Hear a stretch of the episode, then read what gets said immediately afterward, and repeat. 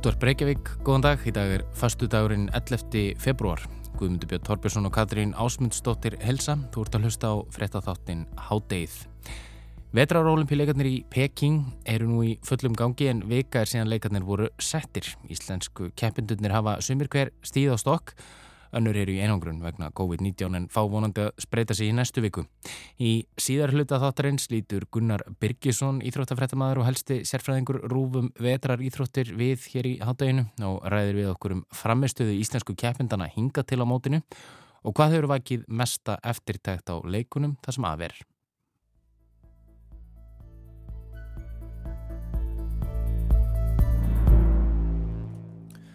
En við byrjum þátt þessa förstudags á örskýringu í bóði Allafannas Bjarkasonar. Í örskýringu sínu leitast Allafannar við að útskýra flókin og oftar en ekki furðuleg fyrirbæri og sem einfaldastan hátt og í dag er viðfangsefnið, já, kannski í óvinnilegri kantinum. Já, og kannski líka á einhvern nátt íþróttatengt eins og setni hluti þáttar eins. Því aðfaranótt mánudags mætast Cincinnati Bengals og Los Angeles Rams í úrslitaleg NFL-deildarinnar í amerískum fótbolta eða ofur skálinni eins og leikurinn er gertna kallaður. Ofurskálinn er ekki bara íþróttaviðburður, heldur risavaksið hagkerfiðar sem tögir miljóna horfa á dýrustu auglýsingar heims í dýrasta auglýsingaglukka heims og hámísig ameríst snarl, tortillaflögur, ídífu, salgæti og svo það allra mikilvægasta. Kjúklingavangi með nóg af gráðastasósu. En býðum nú aðeins hæg, ætlum við að örskýra kjúklingavangi. Svarið er Já, Íslandingar munu háma í sig þúsundir kjúklingavangja á sunnudagskvöld og aðfaranótt mánudags og við verðum bara að fá að vita af hverju. Hvernig hófst þetta allt saman og af hverju djúbsteikjum við kjúklingavangi, hjúpum þá með sterkri sósu og dýfum þeim svo í gráðursta sósu, allir fannar. Af hverju? Já, af hverju. Það er, er stór spurt en eh, já, eins og, eins og yfirleitt í þessum öskurningum þá skulum við bara byrja á byrjuninni. En þessi gómsæta hefð var til árið 1964 á bar sem heitir Angkor Bar í borginni Buffalo í New York ríki. Þaðan fá vangir einmitt napsitt Buffalo vangir sem aðgrinni þá frá hefðbundnum kjúklingavangjum sem komu örglega fyrirfram á sjónasviðu eða fyrir löngum. Eh, eins og svo margt annað þá var það rétturinn til fyrir hálfgerða tilvílun Teresa Bellissimo, einn af eigendum Angorbar, eldaði afgangsvangi í sterkri sósu fyrir svonsinn og vini hans. Strákarnir hámuðu vangina í sig af slíkri áfergju að þeir voru komnir á matseilin daginn eftir, borðinni fram með selleri og gráðasta sósu, eins og við þekkjum í dag. Og buffalávanginu hefði slóðu bara strax í gegn. Í kjölfarið laði Dominic Bellissimo, sonur Teresu landundi fót á samt og ég er ekki grínsmyndan nafn, Dick Winger manninum sem seldi barnum sterkur sósuna og saman kynntu það þennan nýja rétt fyrir bandariskum veitingastöðum á næst, og á næstu árum var rétturinn ansi útbreytur og það var svo snemma á tíundarartugnum sem að já, svona risakæður á borðu McDonald's, eh, KFC og Domino's byrjuði að bjóða upp á Buffalo-vengi Já, en þetta er samt hann að 1964, það er áhugavert. Ég einhvern veginn hafi bara í mínum huga gert ráð fyrir að þetta væri jafnvel eldri hefð. Já, einmitt. En hvenar koma svo þessir buffalofengir til Íslands? Sko, það var svolítið erfitt að, svona, er erfitt að greina svona nákvæmlega hvenar það koma, hver, svona, hver, hver var kannski fyrstu til, a, til að henda vangjum hún í djústöðingabóttir á Íslandi. En ég gerði smá heimaldöfinu og hann að Það komst að því að, kjóklinga á engisist líkir hafa verið á bóstólunum á Íslandi bara í áratögi en, en það var svona að það var erfiðar að finna heimildanar um buffalóvengina, svo kvöldluðu. Uh, veitingastæði buð upp á BBQ kjóklingavengi snemma á tíund áratögnum og við gefum okkur að það séu einhvers konar grillaði vengi með barbíkjúsósu og svo er að finna uppskrift að krydd rættuðum kjúklingavangjum með sósu sem er undir asískum áhrifum í tímaritunni heimsmynd frá árinu 1992 Já. Og mjög gáðan sé að fara því líka að það var sérst í uppskriftinu var hóisinsósa og inn í svega er tekið fram að hún fáist í hinnum svo kallu kínabúðum. Já, einmitt, einmitt. Þetta var svona þegar allt asíst var bara kynverst Já En fyrstu heimyndunar um djúbstekta kjúklingavangi í, í, sterkri sósu er að finna í veitingahúsaríni Jónasar Kristjánssonar heitins um hardrockkaffi í Djefafári 1993.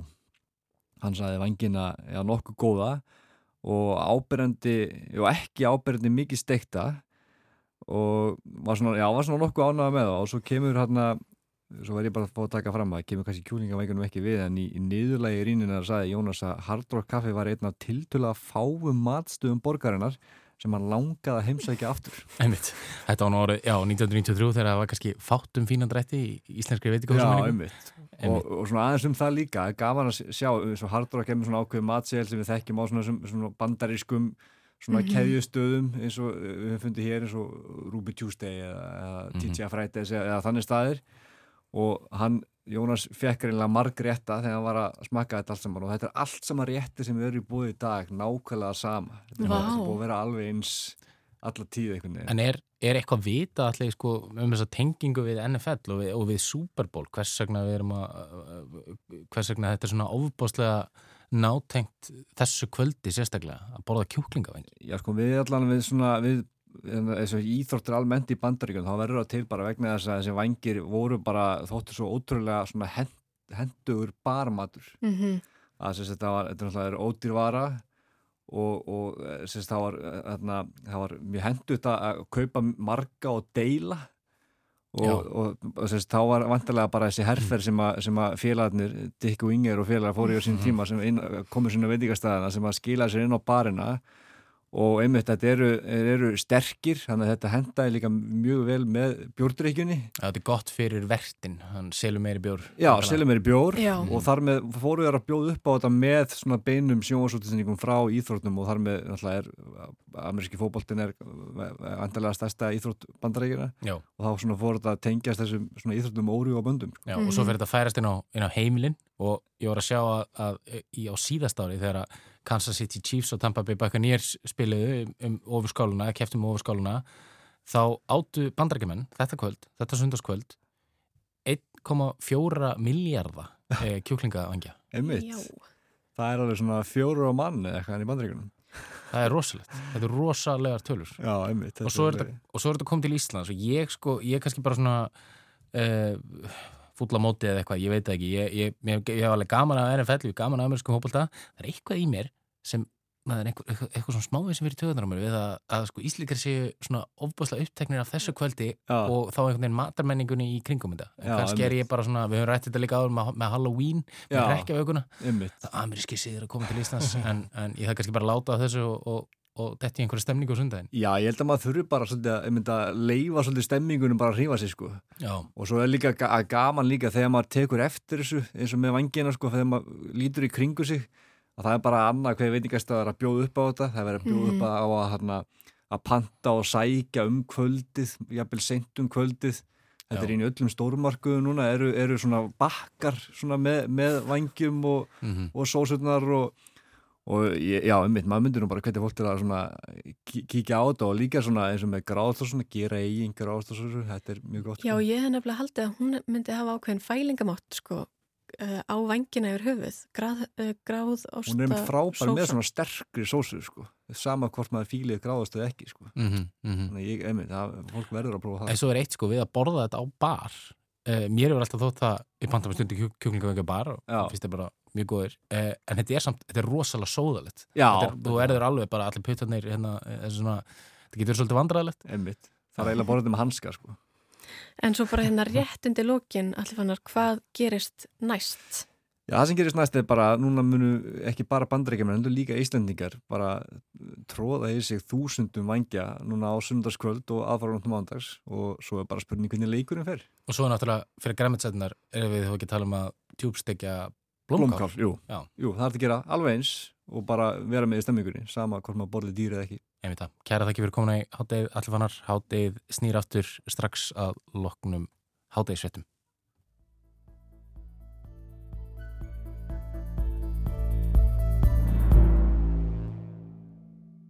Þá hefur í Íþróttirnar, hann er komið til okkar hann Gunnar Birgisson, Íþróttafrættamæður og helsti sérfræðingur Ríkis útarpsins í vetrar Íþróttum Þetta maður fara þessi verið framistöðu íslensku keppendana á vetrarolimpíuleikunum í Peking og fjallasömmulegisum hvað hefur borðið hæst á leikunum yfir höfuð. En við skulum byrja á íslensku keppendunum sem voru að keppa í nótt. Hver voru þau og hvernig gekk þeim gunnar?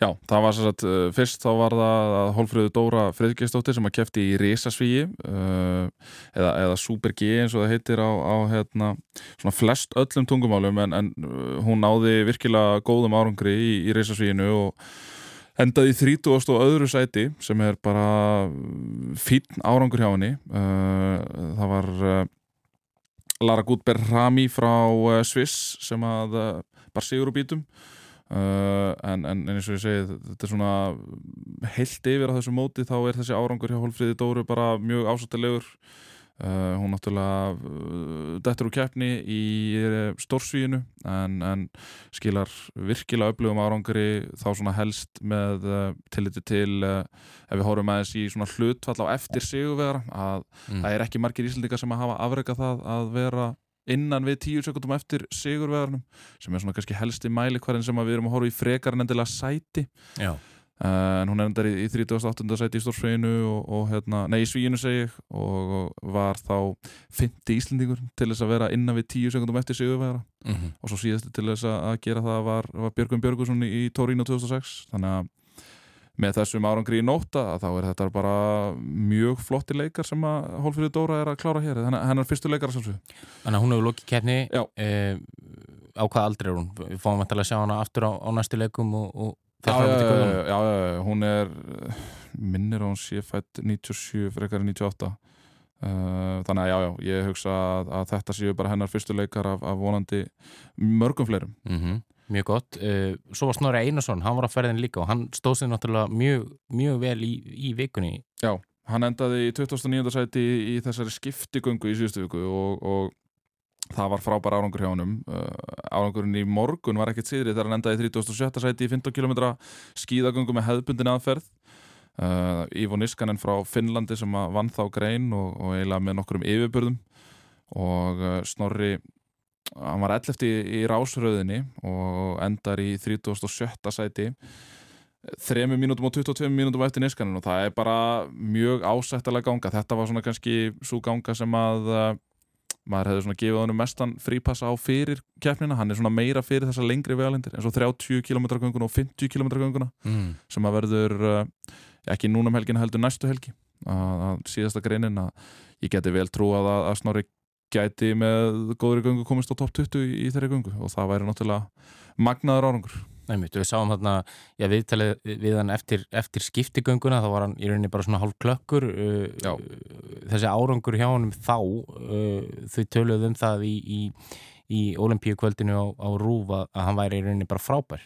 Já, hann er, uh, sko ég sem horfandi alveg hlutlust á þetta myndi alltaf segja að þetta veri besti árangur Íslandings í skíðagöngu uh, ég hef þó þurft að, að, að, að heyra ímsar kvartanir yfir því að ég skuli fara svo frjálslega með, með staðarendir því að að hérna, Ívar Stefánsson náði þessu vissulega 1952 enda í, í, í 2009. sæti mm -hmm. uh, Íþróttin hefur bara brist svo mikið síðan þá ja. allur búnaður, öll tækni bara besta og bersinilegasta dæmið er að þegar að eh, Ívar sá, sá, sá ágæti maður endar í, í 2009. sæti 1952 í Oslo að þá er Finni, Veiko Hákolínen sem að vinnur þetta er 50 km ganga uh, hann vinnur á 3 klukkustundum og 33 mínúndum og Ívar er, er svona rétt rúmlega klukkustundu eftir húnum mm -hmm.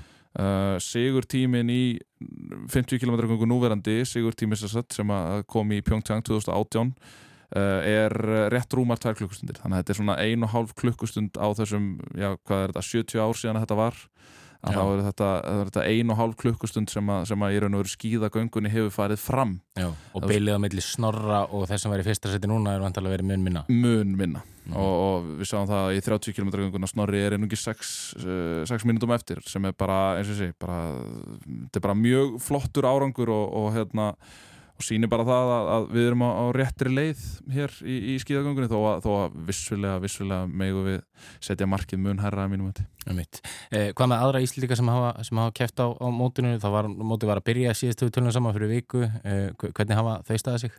Uh, það var svona vonbreiði svolítið í sprettgöngunni að, að Kristján Guðnardóttir og Ísak Stíhansson Pedersen náðu svona ekki kannski sínu, sínum, sínum bestu göngum sem að og Kristján til dæmis er bara að fara gaggert yfir, yfir allan höttin til þess að keppa í sprettgöngu og, og endar þarna í að með minni 74. sætinu eða eitthvað svo leiðis og var svolítið langt á eftir og, og sama með Ísak Stíhansson Pedersen að, að hann er raun og veru bara að fara þarna sem sprettari verður reyndar með, með snorrail í liðaspretti sem er á, á miðvíkudaginn en það var vonbrið alveg klálega uh, svo er það Sturlasnæði Snorrason sem að uh, er á að keppa fyrir keppnina sér 13. og svo setni keppnina sér 16. þetta er sér þetta á sunnudaginn og, og hvað miðvíkudaginn eða eitthvað svo leiðis hann er sem stendur í einangrun uh, var náttúrulega sá einstaklingu sem að greindist smitaður í, í hópnum en en við vonumst til þess að sjá hann í, uh, rás, uh, í rásmarkinu 13. Uh, februar Já, það lítur að vera mjög, mjög erfið tími til að lendi í einhverju svona rétt fyrir mót missa, vantala, hann er vantala bara inn á Herbergi Já, ja, hann var meira þess að færður inn á COVID sjúkrahús sem er þarna og hann var sóttur bara með mm. sjúkrabíl mm. það, það bara fór í ganga álgjört svona einhver, eitthvað neyðar ástand þegar hann, hann greinir smyndaður, hann var nú ekki tók viðtal við hann fyrir íþróttavarpið og hann var nú ekki mikið að kvenka sér en, en hérna, hann sagði að þessi atbyrgarás þegar hann greinir smittaður hafi verið svona eiginlega líni líkust sko. Einmitt, einmitt, já það var þá ekki þannig að hann hefði verið svo veikur Nei, alls ekki, Nei. alls ekki. Einmitt, einmitt. Já, þannig að það er, það er nóg framöndan hjá Íslands kepitunum Uh, já, það er eins og ég segi Snorri á eftir að taka þátt í tveimur greinum Ísak á eftir að taka þátt í einni grein og, svo, og hérna, Sturla á eftir að taka þátt í tveimur greinum í alpagreinum eh, Hvað með svona, já, aðra íþróttgreinar og, og, og aðra keppendur? Hvað, hvað hefur svona verið, hvað svona verið helstu, helstu tíðindin af veðrálunpillikonum, það sem að ver Þetta er bara eins og ég nefndi við hérna, fyrir leikana þá náttúrulega voru mjög margir að horfa í Mikaelu Sifrin sem var svona kannski stærsta nafnið komandi inn á þessa leika Mikaela Sifrin náttúrulega með, með ansið veiga mikla, veiga mikla ferilská sem að bakkar það alveg upp. Uh, Sifrin dettur úr leik bæði í svíinu og stórsvíinu mm. endar áttunda í risasvíinu í nótt þannig að þetta eru vonbreiða leikar hjá Mikaela Sifrin mm og, og hún er til að mynda bara hægt að ræða við fjölmiðla á mótinu vegna þess að vantarlega svona eitthvað í líkingu við sem við, sem, sem við sáum hjá Simon Biles til dæmis á olimpíuleikunum í sumar í Tókjó, femleikakoninu Simon Biles að að þetta virðist vera að fara bara svolítið á andlu hliðina hjá íþróttamönnum mm -hmm. að, að í raun og veru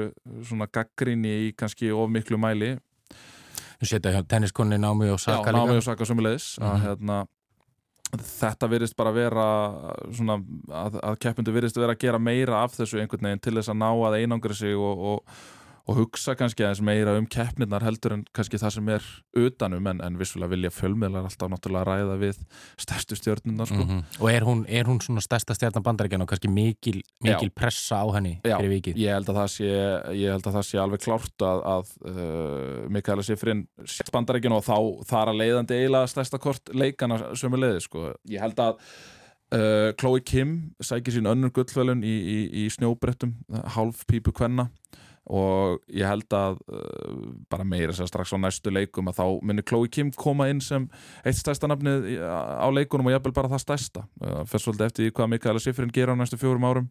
Uh, Chloe Kim 21 og svo er núna þegar komin með tvær gullmedaljur mm -hmm. í, í þessu halvpípu snjóbretta hvenna Chloe Kim er, er, er magnað eintak af íþróttamanni því að uh, hún ásast foreldra sem kom frá Kóru bæði uh, en, en keppi fyrir bandaríkinn uh, og er í raun og veru bara fætt og uppalinn í bandaríkjunum. Uh, hún er íþróttamæður sem hefur afregað það til dæmis að vera á Forsvíðu Sports Illustrated sem er þykir nokkuð merkilegur, merkilegur eftirtækt að vera árangur. Og hún hefur unnið þessi ESPYs velun sem er raun og veru svar bandaríkjana við Grammy velununum og, og Oscars velununum og öllu þessu. Já. hún hefur tekið velun þar eftir síðustu leika þar að segja 2018 í Pyeongchang. Þá var hún valinn besti kvennkins íþróttamæðurinn mm -hmm. Þannig að það er mjög augljóst að, að það er svona greinilega vilji í bandaríkunum að Chloe Kim verði svona, svona kannski þeirra stærsta, stærsta nafna á næstu leikum. Hún er að taka þátt líka í, í sjónvastáttum eins og Masked Singer og, og annað slíkt. Þannig að hérna... Stjarnar utan íþróttarinn. Já, Já. Og, og það er eitthvað sem að þarf að gera með þessa einstaklings íþróttakeppundur að, að þú þarft að gera þeim svolítið herra undir höfði heldur en keppindur í liði til dæmis eða eitthvað svoleiði sem eins og við sjáum í, í fókbalta, körubólta og, og handbólta svo eitthvað, svo eitthvað sem Einmitt. Svo hefur við séð, séð svona pólitíkin að blanda staðis inn í þetta, það eru tveir, e, tveir keppendur e, skautakonan Xu Yi og, og, og snjóbrettakonan e, Elín Gjú þær eru hálf kýmverskar og hálf bandariskar báðar og er það réttið mér að þær önnur það að keppa fyrir Kína og hinn keppa fyrir bandaríkin? Já. Uh, það keppa báða fyrir Kína það keppa báða fyrir Kína, það keppa báða fyrir Kína. En, en, en það er rétt að til dæmis eins og Eileen Gu uh, hún keppur uh, í snjóbrettum. Mm -hmm. Eileen Gu fættist í San Francisco í bandaríkinum og bandaríska föður og kýmverska móður. En móðurinn er í raun og veru á amma alana upp og, og það var síðan í júni 2015, 2019 segi ég þegar hún var 15 ára gömul þar sem hún ákveður að skipta um keppnistjóð hún hættir þar að leiða að keppa fyrir bandaríkinum og fyrir að keppa fyrir Kína. Og Gú er í raun og veru bara að gera það sem að maður myndir svona halda að íþróttamenn ættu bara að vera fókus á með þennan bakgrunn að þegar hún er í Kína þá er hún bara algjörlega kínversk og, mm -hmm. og, og, og talar bara og talar um sjálfa sig sem 100% kínverska svo þegar hún er í bandaríkinu þá talar hún bara um sig sem bandariska mm -hmm. og segist bara 100% bandarísk og með því er hún náttúrulega að reyna eins og hún getur náttúrulega að herja inn á þessa markaði að, að reyna að búa til einn stórt nafn og hún getur orðið en uh, hún átti frábæra ræfingar hérna í snjóbrettunum. Nú með Shuyi að það var svona kannski leiðilegra og alvarlegra mál uh, sko Eilingu, kýmverður eru mjög stoltir af henni. Shuyi, kýmverður eru ekki einstoltir af henni. 19 ára gömul kýmverð skautakona sem að allir sinni þjóð miklu vonbriðum þegar hún klúðraði, já, hún klúðraði sínum dans í, blandari liðakefna lustskautum uh, á sama tíma veist, þá hefur meðferðin á henni sem hún fekk farið svo langt, langt, langt yfir strikið á til dæmis samfélagsmeilum í Kína mm -hmm. Vebo til að mynda mm -hmm. og annars líkt sem er mjög stórt í Kína mm -hmm. að uh, það hefur verið algjörlega ómannuleg meðferð sem hún hefur fengið þar og, og það hefur verið þó kannski bara af því hún er já, bandarisk já, að miklu leiti myndi ég halda að það tengist í og, og hérna, þetta var bara hún endaði að skauta grátandasöflinu og, og hérna og þessi, þessi meðferð sem hún hefur fengið á, á samfélagsmiðlum færi mann svolítið til þess að setja spurningamerki við. Ég bara í raun og veru ábyrðina og álæði sem er sett á, á ungar herðar. Mm -hmm. og við hefum verið að sjá þetta líka með eins og bara þessa 15 ára gamlu skautakonu sem er núna Kamilíu Vassilífu sem er núna í bara í bæluðu vesenni ég menna verðist vera sem svo að hún hafi verið tekin í ákveð og lifið að prófi fyrir olimpíuleikana Já en þá veldi maður í fyrir sér, menn, hún er 15 ára gömul. Ég meina, er einhver 15 ára gammal einstaklingur að taka ákverðun um að leita framistuðu bætandi efna í íþróttum? Ég, það eru náttúrulega fullorðinir einstaklingar mm. í raun og veru sem að ég er ekki að ráða yfir henni þannig að þetta er snúast að á að refsa henni eða á að refsa einhverjum öðrum og, og, og, en, en að sama tíma þá er hún kannski með einhver efni í blóðinu sem eru, eru framistuðu bætandi já Þannig að já, þetta er, þetta er snúist aða en alveg lókingunar uh, hafa veitránumpíleikarnir uh, staðið undir vendingum. Já, ég, við höfum fengið margar mjög góða keppnir og, og margar góða sögur bara eins og við höfum verið að, að þræða hér að hérna, auðvitað er þetta ekkert allt saman eh, hérna, jákvæðin og gleði og eitthvað svona en, en það er svo sem bara eins og er á öllum stórmótum í öllum íþróttum að það er alltaf einhver, einhver þrætu eppli og einhverju deilupunktar og eitthvað svo leiðis og auðvitað náttúrulega ólimpíuleikar alltaf Eh, á svona síðustu árum hafa einhvern veginn, það hefur alltaf komið upp einhver svona pólitík og eitthvað, þetta sáum við líka í, í Tókjó í sumar þannig að hérna, en, en keppnislega og, og svona hvað var þar tilþrif og, og bara frábæra keppni sem við höfum fengið að sjá í sjónvarpinu að það myndi ég alveg segja klárlega að þeir hafi staðundi vendingum og halda áfram að gera það. Kæra ekki fyrir kona Takk fyrir mig. Háttegið er þá enda þessa vikuna Við verðum hér aftur á sama tíma á mánudaginn. Þátturinn er einni aðgengilegur í spilaranum og á hlaðvarpsveitum og hægt er að senda okkur post með ábendingum á netfangið hádegið hjá rúf.is. Verðið sæl og góða helgi.